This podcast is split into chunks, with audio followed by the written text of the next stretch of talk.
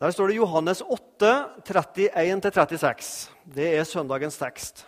Så står det 'virkelig fri'. Det hender av og til ja, Det hender vel jo alle med oss at vi, vi sitter og kikker på TV-en, og så skrur vi litt på knappene og finner fram en kanal, og så Hei sann, der var det en film. Ja, Den så litt spennende ut. Nei, den filmen den fikk jeg veldig lyst til å se. Og Hvordan er det når du begynner å se på en film? Hvordan ønsker du at filmen skal slutte? Hvor mange her elsker happy ending? Altså Happy ending det engelske det betyr lykkelig slutt. Ja, Det tror jeg vi alle sammen er veldig glad for. Det er det vi ønsker. Filmen må jo ha en happy ending. Det må være en bra slutt. Det er ikke sikkert du ser akkurat så mye på sånne barnetegnefilmer, men det er sånn prinsessen, da. Ikke sant? er fattig prinsesse, heller. Hun var jo ikke prinsesse, da. Ei fattigjente. Og så blir hun forelska i prinsen. Og så slåss hun gjerne mot ei ond stemor eller andre onde krefter. Og til slutt da, så, så får hun prinsen å bli gift, og de levde lykkelig alle sine dager. Og så er det happy ending. Og sånn, sånn tenker jeg at vi har det i våre hverdager. Vi sier ofte at det går bra til slutt. Det ordner seg. Vi håper ting skal få en happy ending, gå bra. I dag skal vi lese fra et kapittel, kapittel 8 hos Johannes. Nå kjenner vi jo hele Nytestamentet. Vi vet jo fortellinga om Jesus, hvordan det gikk til slutt. Men hvis vi nå tar bare kapittel 8 hos Johannes, som vi skal lese fra i dag, så er det nå det lengst du kan komme unna en happy ending. ja, det er det. Det er definitivt ingen happy ending. Det, er konflikter hele kapittelet gjennom. Det starter med en konflikt Jesus er på tempelplassen. De kommer med ei kvinne til Jesus som er grepet i hor og er tatt på fersken. Ja. Og Så blir det en skikkelig diskusjon mellom Jesus og jødene om skal denne kvinna steines eller ikke. Så begynner Jesus å tale om seg sjøl som verdens lys. Det var også, ble nok opplevd provoserende på mange. Og så begynner Jesus, og om det er de om det er jødiske ledere eller andre fra det jødiske folk, det står det ikke, men så begynner Jesus og disse jødene å diskutere hvem Jesus er. Og Jesus forteller også hva han tenker om disse jødene som han diskuterer med. Jesus på en måte sier, 'Jeg har mitt oppdrag fra min far, fra Gud, himmelens og jordens skaper.' Det er han jeg har mitt oppdrag for. Nei, sier jødene, du er besatt. Du taler din egen sak, du er sjølopptatt, og så sliter du med et for stort sjølbilde. De ola seg ikke akkurat sånn som jeg sier det nå, men det var det de mente. De syntes Jesus var for sjølopptatt og hadde et for stort sjølbilde. Ja, eller Jesus sier, 'Vel, vel, jeg er ovenfra, jeg er fra Gud. Dere er nedenfra.' Dere er syndens treller. Ja, ikke bare er dere syndens treller nedenfra, men egentlig har dere ikke Gud til far, men dere har djevelen til far. står det faktisk i det kapitlet der. Djevelen til far, sier jødene. Aldri i livet. Vi er Abrahams ett. Vi er et fritt, religiøst folk. Og så er det noen da som kommer til tro på Jesus. Det står det at noen kom til tro på Jesus. Det stakk ikke veldig djupt, som vi skal se. Og I slutten av, kapittelet da, endingen er ingen happy ending. De tar altså opp steiner og vil steine Jesus. Så dette er et kapittel full av konflikter. Vi skal lese noen vers. Jesus sa da til de jøder som var kommet til tro på ham.: Dersom dere blir i mitt ord, da er dere i sannhet mine disipler. Og dere skal kjenne sannheten, og sannheten skal frigjøre dere. De svarte ham, Vi er Abrahams ett og har aldri vært treller under noen. Hvordan kan du da si at dere skal bli fri? Jesus svarte dem, 'Sannelig, sannelig, det sier jeg dere, hver den som gjør synd, han er syndens trell.' Men trellen blir ikke i huset til evig tid. Sønnen blir der til evig tid. Får da Sønnen frigjort dere, da blir dere virkelig frie. Du har sikkert vært med i bibelgruppe der vi leser en bibeltekst. og så Før vi da starter å lese teksten, så sier vi til hverandre at nå skal vi ha med ei penn og så setter vi strek under noen ord som er viktige. Vi setter en ring rundt noe som ble godt for oss. Det har du sikkert vært med på. Og så deler vi det etterpå. Hvis du nå skulle ha satt noen ringer rundt disse setningene her og plukka, ut et ord som ble godt for deg, eller en setning som ble godt for deg, så ville vel mange av oss havna på den siste. ikke sant? Dersom Sønnen får frigjort oss, da blir vi virkelig frie. Jeg har satt ring rundt tre ord eller uttrykk. Mitt ord, sannhet og frihet. Du finner ikke ordet frihet, men det står om å frigjøre og om å bli fri. De jøder som var kommet til tro på Jesus, innleder kapitlet, eller innleder denne teksten vi har lest. Mange som trodde på ham, står det i verset før. Så da kan vi tenke dette ser jo virkelig lovende ut. Her er det mange som har kommet til tro på Jesus, og som virkelig vil følge han. De har en interesse for Jesus. Det er mye bra med den mannen her, men det stakk ikke så veldig dypt i hjertet. Og Det blir vi veldig klar over når Jesus begynner å utfordre dem på disippelskap, det å følge Jesus. I sannhet å være mine disipler er et uttrykk vi bruker. Hvordan blir jeg og fortsetter jeg å leve som en sann Jesu disippel? For disse jødene det så jo ut som de begynte å tro på Jesus. Og så når de da noen minutter senere vil steine Jesus, da, da, da, er det et eller annet som ikke stemmer. Ingen av oss som sitter her som tror på Jesus, som vil steine Jesus. Så et eller annet må, gale må ha skjedd. Og det, er, det, som var feil, det var at det gikk ikke til hjertet. Det ble ikke noe, det ble ikke noe overbevisning. Det ble bare noe ytre, dette at de trodde på Jesus. Dersom dere blir i mitt ord og blir i Jesu ord For poenget er Guds ord, Jesu ord, Bibelen har og gir en sannhet som har den krafta at den kan sette mennesker i frihet dersom dere holder fast på og blir i mitt ord. Når vi møter dette uttrykket 'mitt ord' eller 'Jesu ord', da handler ikke det om meninger, filosofisk lære, et religiøst livssyn. Ja, jeg har mitt livssyn. Ja, det er fint, det. Men blir det mer enn noen tanker og noen ord? Mitt ord handler ikke om meninga av filosofisk lære og et religiøst livssyn, men det handler om at Guds ord er en kraft til forandring og nytt liv. Det skaper en ny virkelighet i deg og meg som setter oss i frihet. Fordi mitt ord ikke får rom hos dere, anklager Jesus jødene. Fordi dere ikke tåler å høre mitt ord. Den som er av Gud, hører Guds ord. Og I vers 51, som har datt litt ned der, så står det om å ta vare på Guds ord. Det handler om en holdning. Hvordan stiller jeg meg til Bibelen, til Jesu ord, til Guds ord? Får det rom? Får det plass i mitt og ditt liv og ditt og mitt hjerte? Tåler vi å høre sannheten også om oss sjøl? Og tar vi vare på Jesu ord? Du har hørt begrepet og uttrykket ah, 'det er jo bare ord'. Og så er det et sånn negativt uttrykk. Det er jo bare ord med den mannen. Han står jo bare og snakker på en talerstol. Det er jo bare ord med han. Og Når vi sier sånn, så, så, glemmer vi det som blir sagt. Det har liten verdi, og det skaper ingen forandring i livet vårt. Det blir bare ord.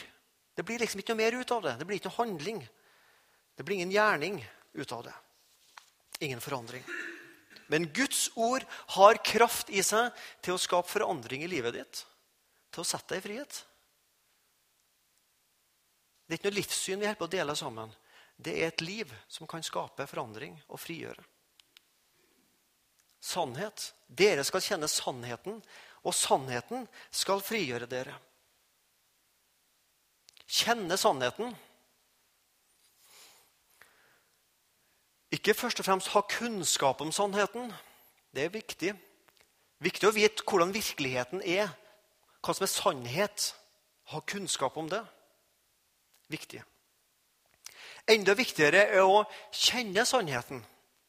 Og Når Bibelen snakker om å kjenne, kjenne sannheten, så er det en, ha en erkjennelse som skaper en overbevisning i livet mitt. At dette ikke bare er sant, men dette er noe jeg er villig til å leve på og faktisk villig til å dø på. Kristentro, Jesus, mitt ord som han snakker, det er en overbevisning du og jeg må få, som vi er villige til å dø på. Dø for. Det å være villig å gi sitt liv for sannheten, for Jesus, det gjør verken deg eller meg til en kristen. Det som gjør deg og meg til en kristen, det er at Jesus skal ha sitt liv for oss.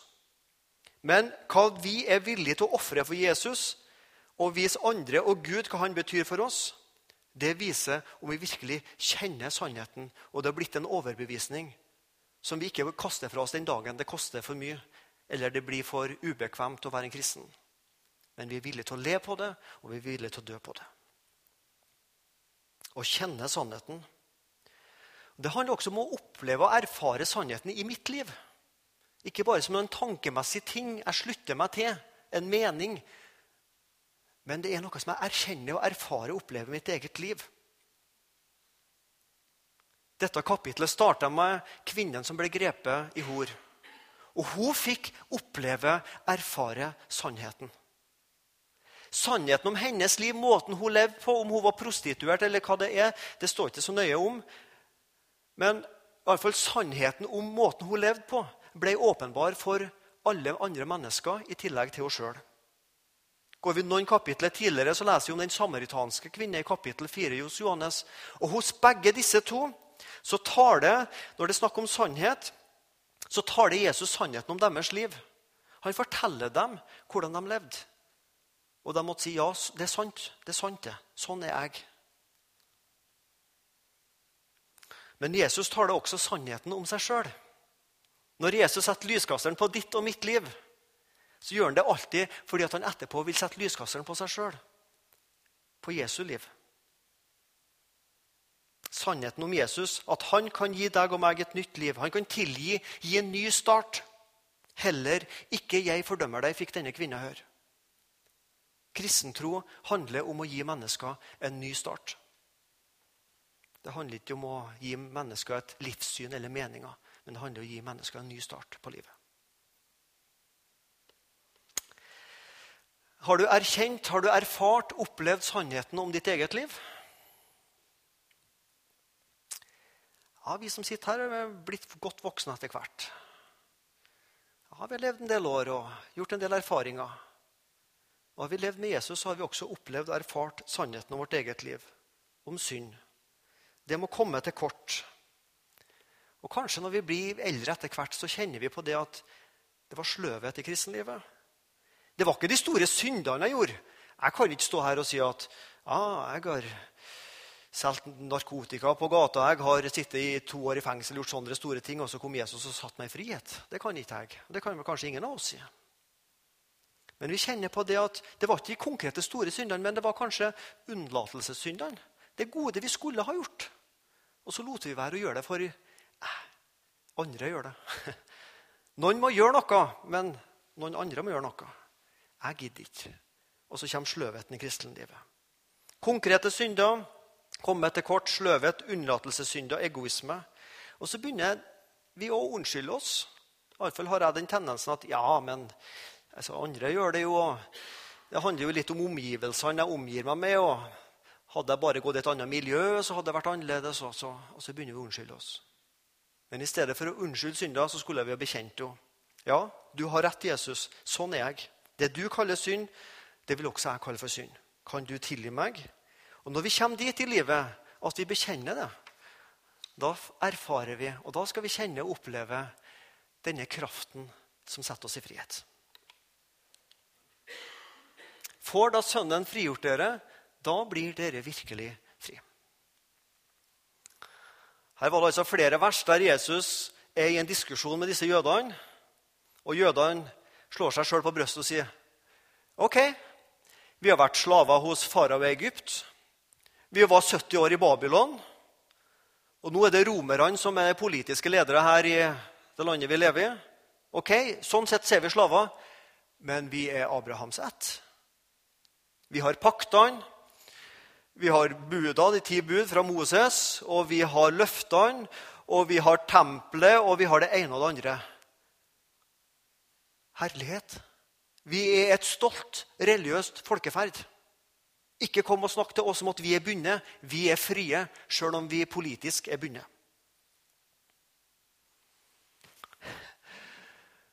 Og så er Jesus direkte på sak med dem. Nei, dere er ikke frie, som dere tror. Dere er bundet. Dere er slaver av synder. Og om det ikke var ille nok, så er djevelen deres far.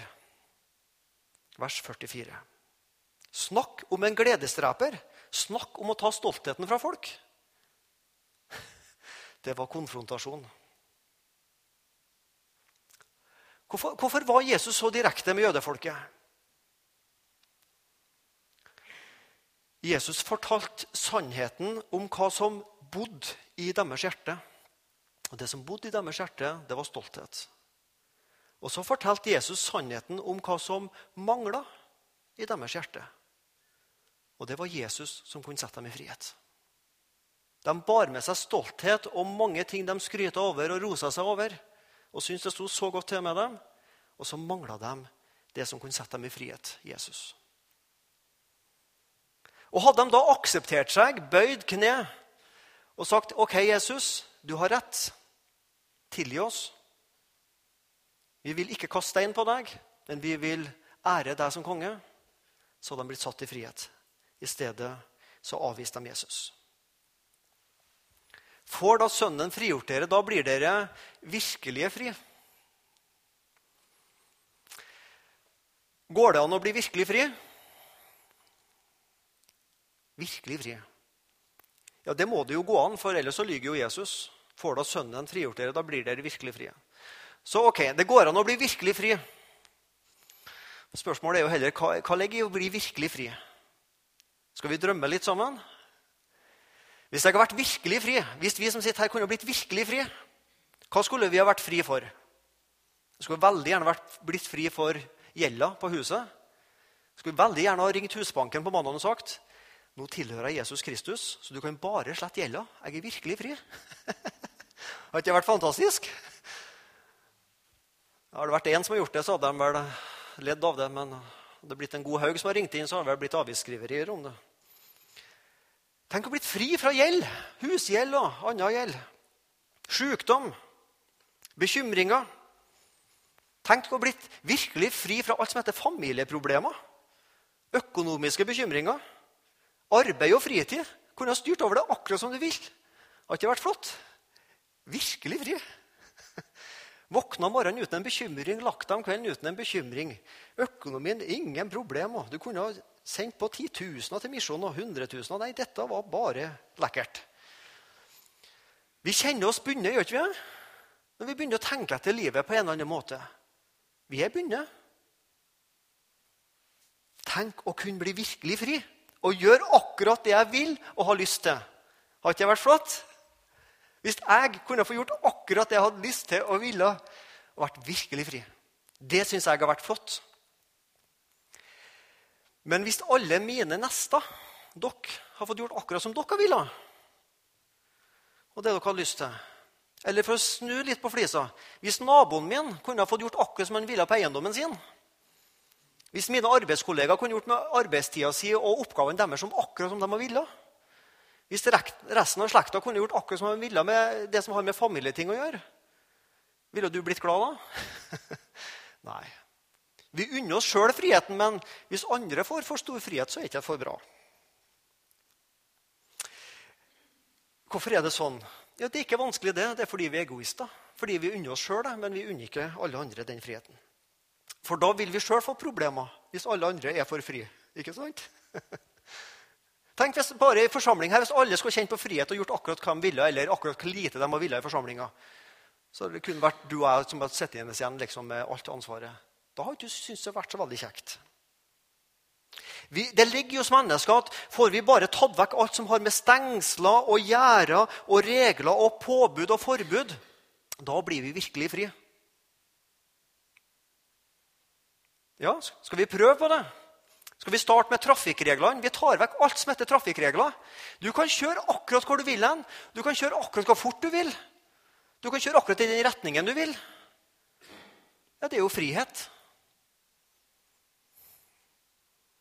Jeg tror ikke jeg trenger å bruke tid på å male ut konsekvensene for dere. Det skjønner vi.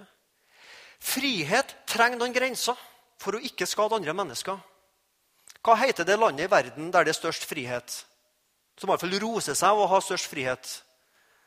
Det heter United States of America. Frihetens kontinent. Men du finner altså ikke et land i verden som har flere regler enn USA. Hvorfor da? Jo, for man må regulere friheten, så ikke skader andre mennesker. Så tanken at det menneskelig sett går an å bli virkelig fri, det er en illusjon. Det er helt umulig. Så når Jesus sier 'får da Sønnen frigjort dere', da blir dere virkelig fri fra fartsgrensa og sånn? Nei, det var ikke akkurat det han sa. Det må være noe annet han mente. Det moderne, og også det umoderne mennesket, er bundet i synd, egoisme og sjølopptatthet. Og Når Jesus sier at han er kommet for å sette oss virkelig fri, så er det fordi at Jesus er kommet for å gjøre noe med vårt største problem. Og ditt og mitt største problem, om vi liker å høre det eller ikke, det får så være, men det er synda. Jeg har det sånn i min arbeidssituasjon at jeg kan sitte og høre på radioandakten på NRK om morgenen. Av og til, litt ofte, så gremmer jeg seg Fikk ikke sagt mer på de minuttene. Sitter og irriterer meg, og så irriterer jeg meg over at det irriterer meg. Og Andre ganger så blir jeg veldig glad, for da kjente jeg her var det noen som virkelig fikk fram et kjempepoeng. Og det, En sånn dag hadde jeg nå sist, på sist tirsdag. Da satt jeg og kjørte inn hit, og så hørte jeg på radioandakten inn. Og jeg sa jeg tror ikke jeg kosta på meg ett eller to halleluja inni bilen. Jeg sa. For det som ble sagt i den morgensandakten på NRK, det var fantastisk. Det var ei dame som snakka litt om det her med frihet i kristenlivet. Og Så sa hun i sommer var jeg på leir med konfirmanter. De, eh, de lærte om påsken, og, de, og, vi spurte hva det betyr at det at Jesus sonet alle våre synder da han døde på korset. En av konfirmantene svarte vi har på en måte lov å synde, men hvis vi angrer og tror på Gud, vil vi få komme til Hans rike uansett. Han tilga oss, en annen svarte, Jesus tok alle våre synder på seg da han døde på korset. Dermed kan vi mennesker bare be Gud om tilgivelse for det vi har gjort galt. Men da må man selvsagt mene det og være seriøse. Favorittsvaret mitt, sier denne dama, var dette. Det betyr at vi kommer til himmelen, samme hva. vi har lov å synde hvis vi angrer og tror, og hvis vi er seriøse når vi ber om tilgivelse. Så kommer vi til himmelen, samme hva. Det er kanskje ikke helt, det er kanskje ikke helt korrekt teologisk utgreiing konfirmantene kommer med, men de sier ikke noe direkte feil. For så enkelt er det grunnen, og så vanskelig med troens mysterium, ble det sagt på radioandakten. Hva betyr det at Jesus døde? Denne fortellinga fikk ingen happy ending i Johannes 8. Og Jesu liv ytre sett fikk ingen happy ending. Han døde. Men vi som sitter her, vi, vi vet hvorfor Jesus døde. Og vi vet også at han sto opp igjen. Det tror vi på. Vi ser betydninga av korset, og vi ser betydninga av oppstandelse. Ditt og mitt liv, vi kan få en happy ending i våre liv. Hvis vi tar imot og hører og blir Guds ord, erkjenner og aksepterer sannheten om oss sjøl og om Jesus, da blir vi frigjort fra syndens skyld og makt. Vi skal ganske snart synge sangen 'Da Jesus satte sjelen fri'. Og når jeg leste disse versene og forberedte meg til søndagens tekst, da kom denne sangen opp. Da Jesus satte sjelen fri. Da brøt lyset fram på livets tid. Og da jeg fikk ham selv å se, da altså jeg fikk sannhet, se sannheten om Jesus, Jesu liv og gjerning Jeg glemte jordens sorg og ved. Halleluja. Min sjel er fri. Min trellestand er nå forbi. Jeg har fått ei fri sjel, og min slavestand under synden er forbi. Jeg er fri. Og når du og jeg har blitt fri som kristne, så har vi blitt Jesu Kristi treller. For enten er du trell under synda og deg sjøl og din egen syndige vilje, eller så blir du Kristi trell. Tenk for en frihet å få være slave, trell av Kristus. Jeg er bundet til Jesus, hans liv og død. Og så er din og min situasjon Vi er ikke virkelig fri jordisk sett. Med helse og med økonomi og andre ting som binder oss, og som skaper bekymringer. Det er vi ikke fri for. Vi har en plass å gå med det, ja. Men vi kjenner det i hverdagen. Men likevel så kan du og jeg gå ut den døra der om noen minutter, og så kan vi med våre hverdagsproblemer og bundenhet si jeg er fri. Jeg er virkelig fri. For jeg kjenner Jesus Kristus. Jeg er tilgitt. Jeg har fått gjort opp med det som er mitt største problem, synda. Den er sona. Da kommer vi til himmelen samme hva. Kjære Jesus Kristus. Takk at den som kjenner deg, er virkelig fri. Takk, Jesus, at om jeg er bundet inni meg sjøl og utafor meg sjøl med ulike ting, så er jeg virkelig fri, for jeg kjenner deg. Takk for at vi kan få forkynne om deg i dette huset her, og at mennesker kan bli satt i frihet. La oss hjelpe oss og minne oss til å høre ditt ord, ta, gi rom til ditt ord og gjøre etter ditt ord. Erkjenne sannheten og bli satt i frihet. Amen.